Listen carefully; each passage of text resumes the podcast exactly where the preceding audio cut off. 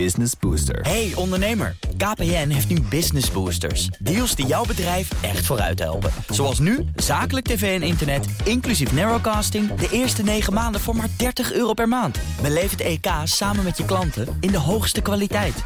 Kijk op kpn.com slash businessbooster. Business Booster. Doordat er ineens een einde kwam aan de Dansen met Jansen campagne, moet de overheid plotseling een heel andere communicatiestrategie opzetten om jongeren op te roepen voor hun vaccinatie. En lukt dat niet goed, dan kan het vaccinatietempo inzakken, verwachten communicatiedeskundigen. De regering van Boris Johnson wil een deel van het Brexit-akkoord met de EU opzeggen en opnieuw onderhandelen. En we hebben in dit land drie keer zoveel capaciteit in datacenters als we nodig hebben. Maar is dat erg als we vooral voor de export werken? En levert het misschien banen op? Dit is Nieuwsroom, de dagelijkse podcast van het Financiële Dagblad en BNR Nieuwsradio. Met het nieuws verteld door de journalisten zelf. Ik ben Mark Beekhuis en het is vandaag donderdag 22 juli. Hallo, Julia Bokdam. Hallo. Van BNR. We gaan het hebben over de vaccinaties, de jongeren en de communicatie. En die drie dingen die blijven altijd een beetje rommelen. Vandaag weer uh, nieuws van jou en met uh, Wesley Weerts, die we gisteren ook in de podcast hoorden. Nu zijn jullie bezig geweest met dus, de vaccinatiestrategie, of eigenlijk de communicatie. Hè? Hoe bereik je zoveel mogelijk jongeren? Nu het lokkertje van dansen met Jansen niet meer bestaat. Nou ja, eigenlijk wel een beetje een combinatie van. We hebben met verschillende gedragswetenschappers uh, gesproken. En wat zij eigenlijk zeggen is dat als je. Uh, waar nu over gesproken wordt, het OMT-advies om ook met, uh, met grootschalige evenementen, om dan ook een negatief testbewijs te vragen bij mensen die volledig gevaccineerd zijn. Als je dat gaat doen, dan valt een. Um, ja, een reden voor jongeren om zich snel en direct te laten vaccineren. Dus waarom, waarom je het nu zou doen en niet wachten, dat valt weg. En dat kan wel voor zorgen, stellen de deskundigen die wij gesproken hebben, ja, dat het vaccinatietempo naar beneden gaat. En dat het langer gaat duren voordat mensen zich laten, ja, laten vaccineren. Dus die jongeren die gaan misschien toch uiteindelijk wel, maar niet meer per se vandaag. Maar ach, dat kan ik over twee weken. Nou ja, het, het, is niet dat het, het is niet de enige reden voor jongeren om zich te laten vaccineren. Hè. Er speelt ook nog steeds andere redenen mee, zoals nee, de gezondheid en ja. de, de, gezondheid van anderen en het, het samen uh, zorgen dat zoveel mogelijk mensen gevaccineerd zijn.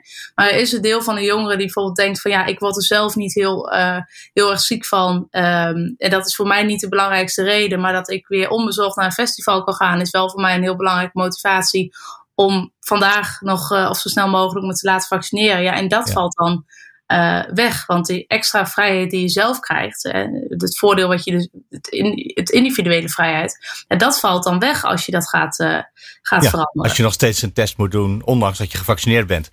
Ja, dus eigenlijk het lokketje wat je hebt, hebt voorgehouden van uh, als jij je laat vaccineren, dan kan je weer onbezorgd naar een, uh, naar een festival, dansen met Jansen. Hè? We kennen ja. allemaal de, de slogan. Ja, die valt dan straks uh, weg. Dat betekent niet dat er geen andere redenen meer overblijven.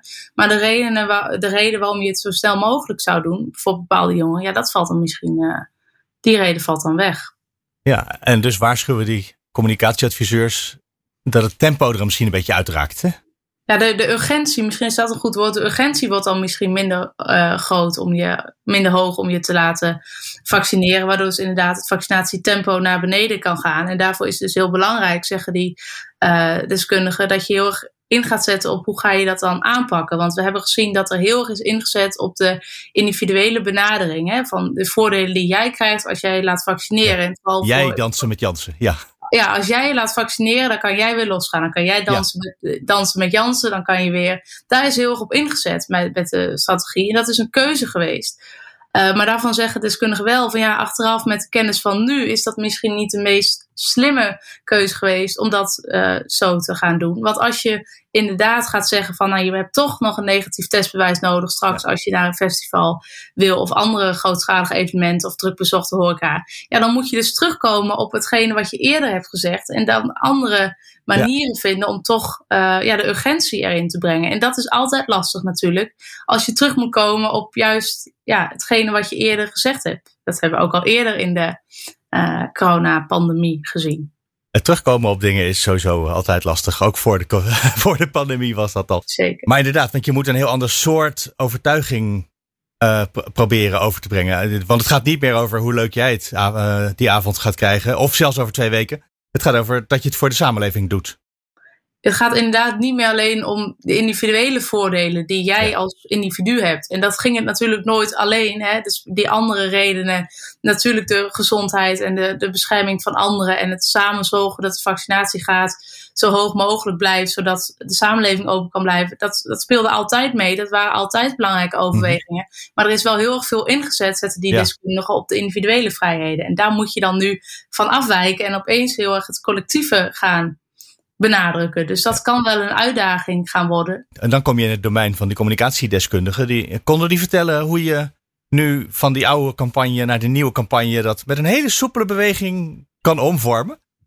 Nou ja, dat, dat hele soepele beweging, ik denk niet dat die er is. Maar zij zeggen vooral van ja, leg heel duidelijk uit waarom het dan belangrijk is om je te laten vaccineren. Dat je het niet alleen voor jezelf doet, ook voor anderen. Dat we er allemaal inderdaad baat bij hebben. Dat we allemaal het vaccinatiegraad zo hoog mogelijk uh, willen. Dat alleen klinkt nu ook een beetje als een deel van de campagne, hè? Ja, nou klink ik ook zo, hè? Dan ga ik het herhalen wat zij zeggen, inderdaad. ja, precies. Maar al die dingen die moet je eh, uitleggen. ja, ik ben zelf ook jonger, dus misschien kunnen ze mij wel gebruiken als, uh, als nee hoor. Rolmodel de rolmodel. Nee, nou, dat is inderdaad wat ik ook wel terughoorde van sommige deskundigen. Van goh, gebruiken een rolmodel. Maar het vooral geeft heel duidelijk aan waarom je het doet. Uh, benadruk inderdaad dat je het niet alleen voor jezelf doet, maar benadruk juist, ja, benadruk juist de andere redenen waarom je je laat uh, vaccineren. De gezondheid, long covid, wat ook voor jongeren uh, ja, gevaarlijk kan zijn. Ja. En zijn dit communicatiedeskundigen die ook bij het MT eh, bijvoorbeeld meedraaien? Want daar zit ook een uh, gedragsunit, geloof ik, uh, dat die heet daarbij, die dus over dit soort communicatievraagstukken nadenkt. Zeker, ja, een aantal wel inderdaad. Dus zij zullen dit zeker ook meegeven, denk ik. En dan is altijd ook de vraag: wat, oh, wat doet de politiek ermee? Ja, ja wat wordt er dan inderdaad mee, mee gedaan? Dus dat gaan we de komende weken uh, ja, vast, vast horen en zien. Maar ik kan me wel voorstellen dat het een uitdaging wordt als je opeens van, je, uh, van de strategie die je hebt ingezet, als je daar toch opeens voor een deel moet, uh, ja, van moet afwijken. Ja. Julia Bokdam, dankjewel. Graag gedaan. Hallo, Joost Dobber. Dag Mark. Van het Financieel Dagblad in Londen. We gaan het weer eens hebben over de Brexit. Ja, leuk. we hebben het daar heel lang niet over gehad. En toch bij het woord Brexit kwam er meteen een gevoel over me. Houdt het dan nooit op? nee, hè? het houdt niet op. Het, het houdt inderdaad niet op. Um, ik moet zeggen, ik had exact hetzelfde toen uh, dit, uh, dit nieuws loskwam. Um, aan de andere kant vind ik het eigenlijk ook ja, eh, leuk. Is dat het goede ja. woord? Ik vind het best Ja, leuk. het is vermakelijk op een bepaalde manier. Maar ook ergerlijk vind ik het. Uh, ja, nou ja, het is natuurlijk heel erg kinderachtig op een bepaalde manier. Want het wordt gewoon de hele tijd. Um, ja, ze maken ruzie met elkaar. Dat doen kinderen ja. ook. Het gaat uh, weer over de grens tussen Europa en Groot-Brittannië. Die dus voor administratieve doeleinden uh, tussen Ierland en, uh, en Wales ligt. Ja, het gaat dus niet zomaar om de grens, maar het gaat alleen om het stukje grens tussen Noord-Ierland en Ierland. Of eigenlijk tussen Noord-Ierland en het Verenigd Koninkrijk. Ja, ja precies. Want het was niet bespreekbaar dat er tussen Noord- en Zuid-Ierland of tussen Ierland en Noord-Ierland een grens kwam. Nou, daar was iedereen uh, aan alle kanten van alle grenzen het mee eens. Hmm. En er is een hele elegante oplossing voor bedacht. Dan doen we gewoon Noord-Ierland administratief bij Europa. Ja, soort van. Uh, ja. Voor, voor, voor wat betreft de handel in goederen. Um, ja, ja, ja. Nee, Noord-Ierland nog steeds de regels ja. van de Europese Unie. Ja. ja. En dat betekent uh, dus dat als je van uit Engeland of Schotland of Wales, waar dan ook in het Verenigd Koninkrijk dat niet Noord-Ierland is, spullen naar Noord-Ierland wil verschepen, dan uh, moet je door de EU-buitengrens heen. Ja, dan um, wordt het exporteren, terwijl je zou denken, we blijven toch binnen het Verenigd Koninkrijk. Juist. En nou, daar is hoe lang? Maanden en maanden over onderhandeld. Tot uiteindelijk besloten was dat dit echt het allerbeste was wat iedereen kon bedenken. Mm -hmm. En nou wil de Britse regering dat toch weer terugdraaien. Ja. Afschaffen zelfs eigenlijk gewoon. Uh, nou ja, helemaal opnieuw opbouwen eigenlijk. Ja, ja. Ze willen elementen wel behouden hoor. Maar uh, ja, uh, ze willen, het komt erop neer dat ze willen dat er veel en veel minder grenscontroles worden uitgevoerd. Ja. Um, maar ja. En ja, de Europese Unie zegt, ja luister, we hebben dit met veel pijn en moeite uitonderhandeld. Jullie hebben dat notabene zelf gedaan. Boris. Johnson en David Frost, de brexit minister, die er nu over klaagt. Um, jullie parlement heeft ermee ingestemd. laten we proberen om het eerst eens tot een succes te maken. In plaats van er vanaf het begin af aan tegenaan te schoppen. Nou, sterker nog, het was ook natuurlijk Groot-Brittannië wat zei: ja, we hebben een deadline en daarvoor moet het geregeld zijn, Europa. en toen hebben ze dit gekregen. Ja. Um, Toch? Ik bedoel, je kan er, we hadden er veel langer over kunnen willen onderhandelen. Het zijn de Britten geweest die de klok in werking hebben gezet, uh, waardoor er op een gegeven moment een moment was waarop uh, er een deal moest liggen. Ja, um, ja dat, is, dat is waar. Ja, en ze weigerden ook om uitstel uh, van die deadline te vragen, want dat hadden ze kunnen doen, maar dat was niet de bedoeling. Nee, er moest wel druk op de ketel.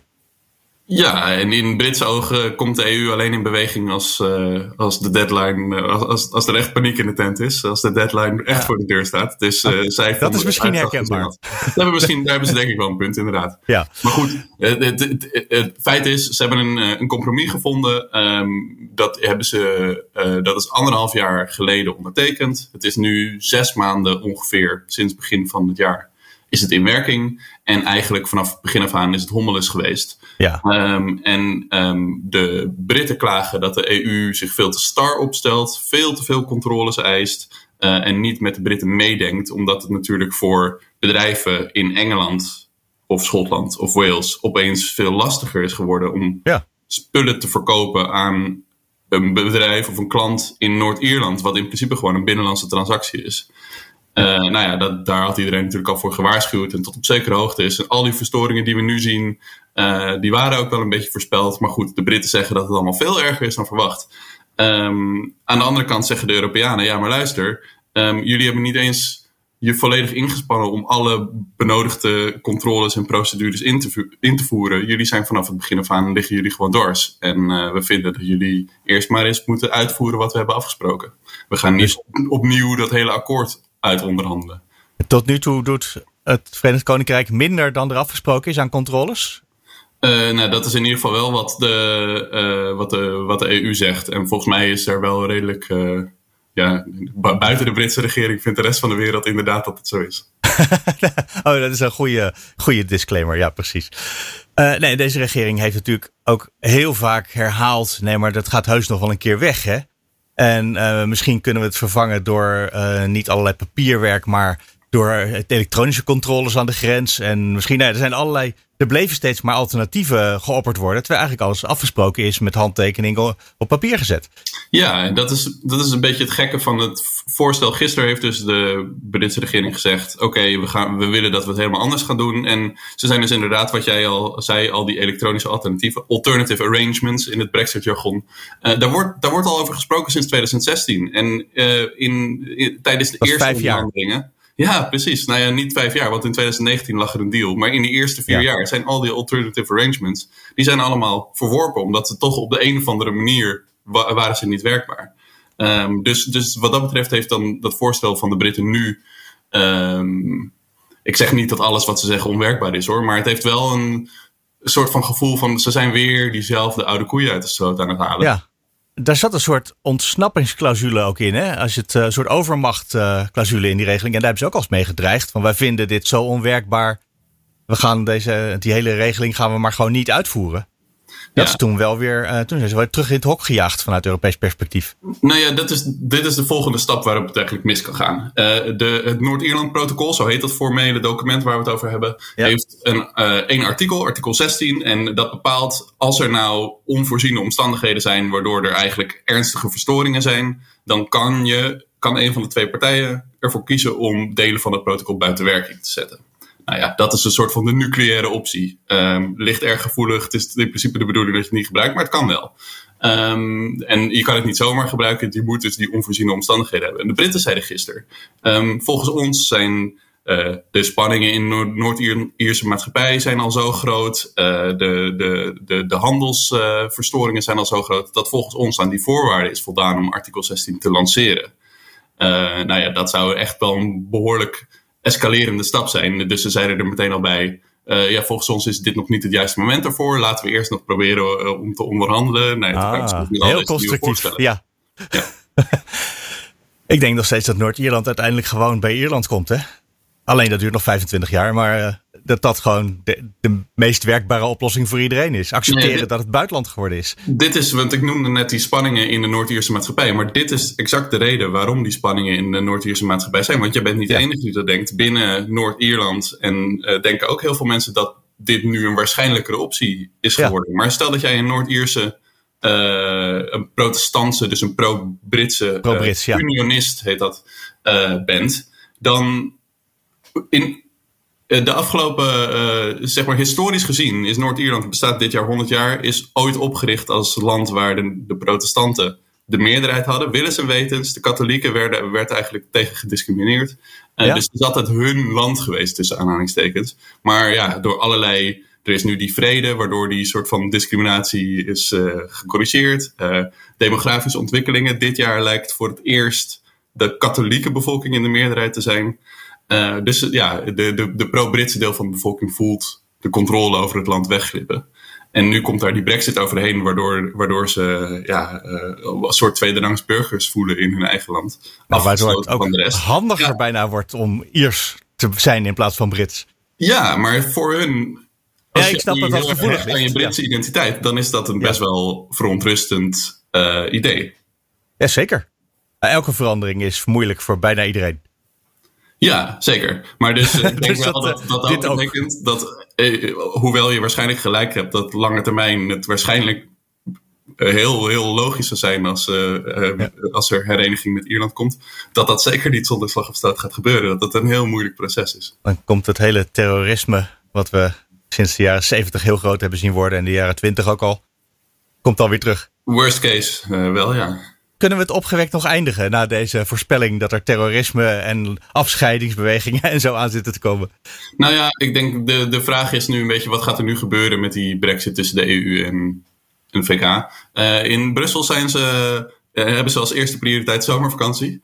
Dus eh, ze willen nu niet happen. Ehm, ze zeggen, weet je, eh, ze, zeggen, ze, ze hebben de Engelsen verteld, of de Britten verteld. We, gaan, we willen wel even met jullie meedenken. We blijven in gesprek. Heronderhandelen is echt geen optie. Maar we willen be- ons best flexibel opstellen om te kijken wat. de- dat hebben ze altijd. Dit is altijd al de lijn. Ik, dat zinnetje heb ik ook eerder gehoord, ja. Ze proberen nu deze zomer om gewoon, nou ja, eh, dit, dit niet al te hoog op te laten spelen. Maar dit gaat terugkomen in september. Want er zijn allerlei tijdelijke overgangsregelingen waarin sommige controles nog niet worden uitgevoerd. Nou, die lopen af in, in oktober.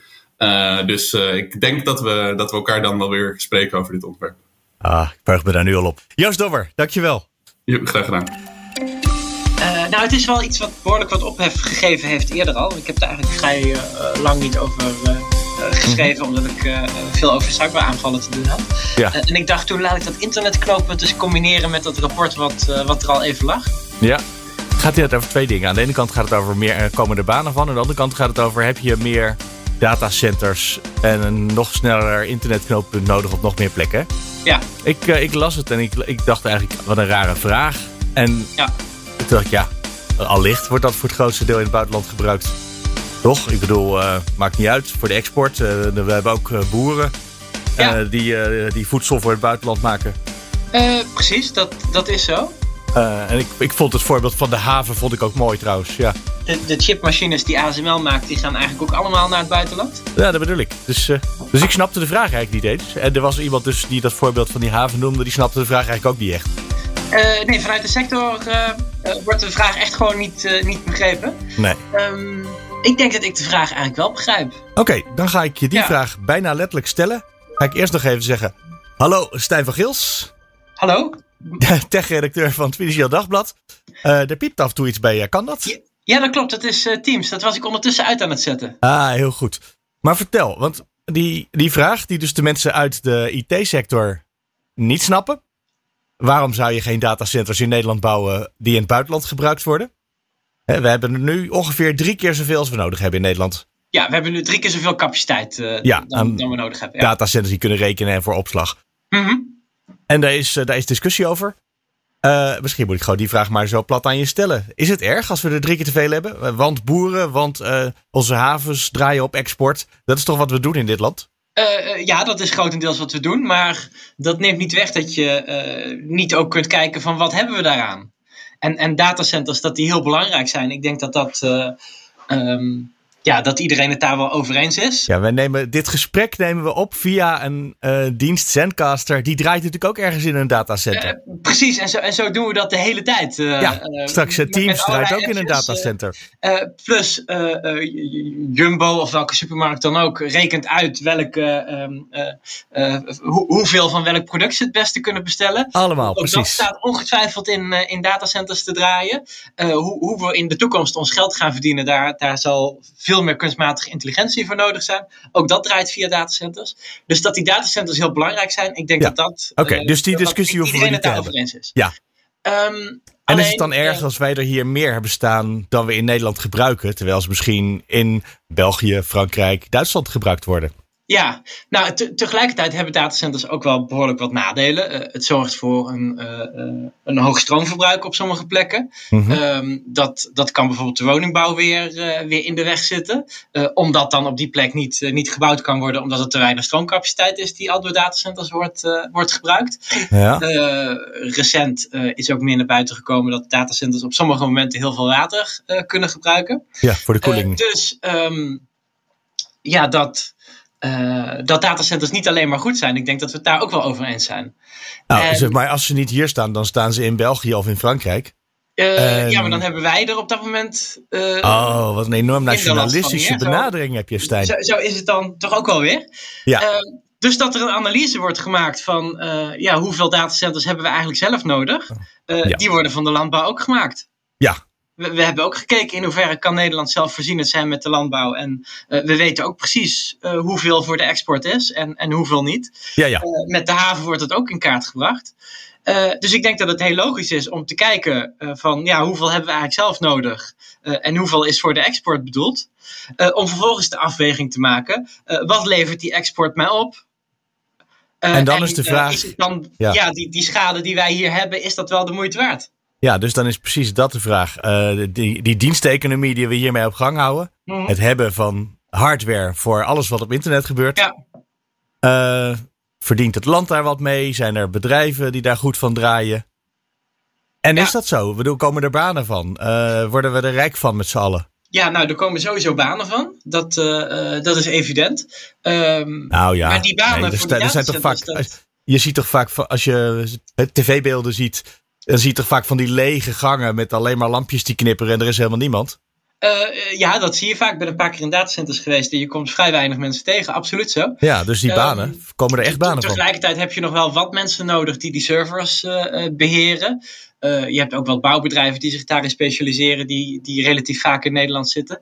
En de, de datacenter-industrie zelf, uh, die zegt dat datacenters direct werkgelegenheid bieden op dit moment aan ongeveer 5000 mensen. En nou ja, dat is een redelijk aantal. Dat is ook vaak niet alleen trouwens, maar uh, uh, ja, ze zijn ook wat hoogwaardige banen. Maar het is tegelijkertijd ook niet heel veel. Nee. En dan heb je daarnaast nog de, de indirecte werkgelegenheid. Uh, die het oplevert. Ja, en dat is eigenlijk maar zeer de vraag. Hoe, hoe, in hoeverre dat dat door datacenters komt. Wat voor soort indirecte werkgelegenheid denk je dan aan? nou, dan heb je bijvoorbeeld een, een, een softwarebedrijf wiens software in die datacenters draait. Oh ja, maar dat kan inderdaad heel goed over de grens staan. Uh, dat kan heel goed ja. over de grens staan. Ik bedoel, ik zou niet weten waar Zencaster, wat we nu gebruiken, zijn servers heeft staan. Dat zou uh, best in Duitsland kunnen zijn. Goede kans ook dat het Amsterdam is, maar ik weet het niet. Uh, het is een Amerikaans bedrijf, dacht ik. Dus goede kans dat het meeste daar staat. Maar ook goede kans dat ze inderdaad hier een of andere ja. ja. plek hebben. Precies. Ja. Um, ja, en dan is het natuurlijk ook zo dat, mede omdat we in Nederland zoveel datacenters hebben, um, ja, hebben we hier ook een relatief goede, goede infrastructuur. Um, in hoeverre dat dat met elkaar samenhangt. Uh, ja, er zal wel iets van een relatie zijn, maar heel sterk is die ook weer niet. Toevallig heb ik in de buurt van, uh, in, in de gemeente Hollandse Kroon ooit een keer een reportage gemaakt van mensen die heel graag sneller internet wilden, want dat was daar enorm traag. En een kilometer verderop heb je een datacenter van Microsoft staan, dus één op één is die relatie ook weer niet, uh, niet te leggen. Nee. dus, dus dat we als Nederland heel kritisch kijken van ja, wat, wat hebben we eigenlijk aan die datacenters? En um, en dan blijkt eigenlijk niet eens zo heel erg veel, behalve die ondernemers zelf waarschijnlijk. Want die, ja, die hebben zo'n zo datacentrum ergens neergezet en die verdienen natuurlijk met het gebruik daarvan. Uh, ja, nee, zeker. Ja, en dat zijn vaak ook weer buitenlandse bedrijven. Ja. Ja. Ja. Dus dan is de vraag misschien toch te begrijpen. En vooral helemaal in het begin zei je, het kost enorm veel energie. Maar ja, dat zal hier niet anders zijn dan in een ander land. Maar uh, nee, dan kan je, je geen... stroom nog wel vrij makkelijk van de een naar de andere plek. Ook dat? Brengen tot op zekere hoogte. Maar je zei, en dan kan je misschien ook niet bouwen. En dat is iets wat denk ik in Amsterdam in de regio speelt. Hè? Dat op het ogenblik daar gewoon alles zo vol is. Dat, uh... Ja, nee, dat, dat, dat speelt daar heel extreem. En dat speelt in, in Rotterdam, wat ik begrepen heb, wat minder. Uh... Ja, want dat is ook iets wat ik eigenlijk maar niet gerealiseerd had. Dat uh, de AMSX, mm zeg jij AMSX? ja. Ja, dus de Amsterdam Internet Exchange, als je het helemaal voluit wil zeggen. Uh, die staat voor een stukje ook gewoon in Rotterdam tegenwoordig. Uh, tegenwoordig wel, en dat vond ik wel bijzonder. Uh, ja, want je zou denken als je uitwijkt naar een volgende stad, dan ga je naar Hongkong of je gaat naar, uh, weet ik veel, Tokio, noem maar zo'n ja. exotische nou, nou, is dat ook wel zo. Ik bedoel, daar zitten ze ook. En daar zaten ze eerder dan Rotterdam. Dus in die zin is dat een logische uitbreiding eerst. Ja, want, want Rotterdam verwacht je ook helemaal niet. Ik bedoel, dat is hoe, hoe ver is het nou in afstand vanaf Amsterdam? Een kilometer of 60 of zo? Uh, ja, dat is niet zo ver. Nee. nee je, dus... je, zou ook in zekere zin kunnen zeggen, uh, en, en daar zullen Rotterdammers niet heel blij mee zijn, uh, dat uh, ja, Rotterdam gewoon een soort uitbreiding is van, uh, van Amsterdam. Uh, een soort Amsterdam Zuid-Zuid. En dat is wel een belangrijk ding. Hè? Dus het is niet zo gek dat ze willen uitbreiden. En als Amsterdam niet lukt, dat je dan denkt: waar zit de volgende grote stad? De, ja, en, en, en wat is een plek waar, ja, waar, waar je ook wat, wat connectiviteit kunt hebben. Mm en dan is Rotterdam ook een makkelijke plek, omdat daar toevallig het datacenter van onder andere Smart TC staat. en Smart TC is een datacenter wat heel veel voor de hosting van games gebruikt wordt. Ah, dus dan wordt die verbinding ook sneller. Dus, dus er was eigenlijk gewoon al een, een, een klant ook beschikbaar in Rotterdam. Uh, ja, dat maakt het ook voor de Amsterdam Internet Exchange dan logischer om ook je spullen daar neer te zetten. Ja. En ja, de hoop uh, van een deel van de mensen die ik sprak is dat ja, nu je dan zo'n snellere um, uh, snel internetknooppunt daar hebt, dat dat ook weer nieuwe datacenters aantrekt en, en nieuwe andere gebruikers. En nou ja, dat kan je eigenlijk alleen maar afwachten. Want dit is natuurlijk de glazen bolvraag die ik nu even maar een keer niet ga stellen. Ja, dit, dit is precies de glazen bolvraag. En ja. Eh, als ik daar verschillende mensen over spreek, krijg ik heel verschillende antwoorden. En uh, uh, ja, laten we inderdaad gewoon maar afwachten wat dat, ja. wat dat aantrekt. ja. Oké. Heb jij trouwens zelf die foto uitgezocht die erbij staat bij het ja. artikel? Eh, die, die heb ik mede zelf uitgezocht. Uh, ja, dit is uh, de AM7 van Equinix. Een andere plek waar de Amsterdam Internet Exchange staat. Uh. Het is een grote open kast met heel veel gele kabels en witte ja. insteekkaarten van een of andere computer. Nou ja, dat is dus het datacenter. Ja.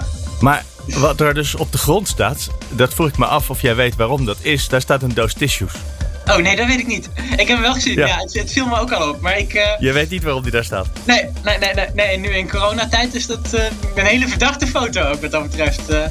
Dit is sowieso een beetje een... in de buurt van computers en tissues vast heel verdacht. Ja.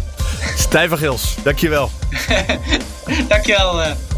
En zo komen we aan het einde van deze podcast voor vandaag. Morgen zijn we er weer. Dan hoor je Nieuwsroom Den Haag. Oh, en ik vergeet het e-mailadres te noemen. Nieuwsroom.bnr.nl of nieuwsroom.fd.nl.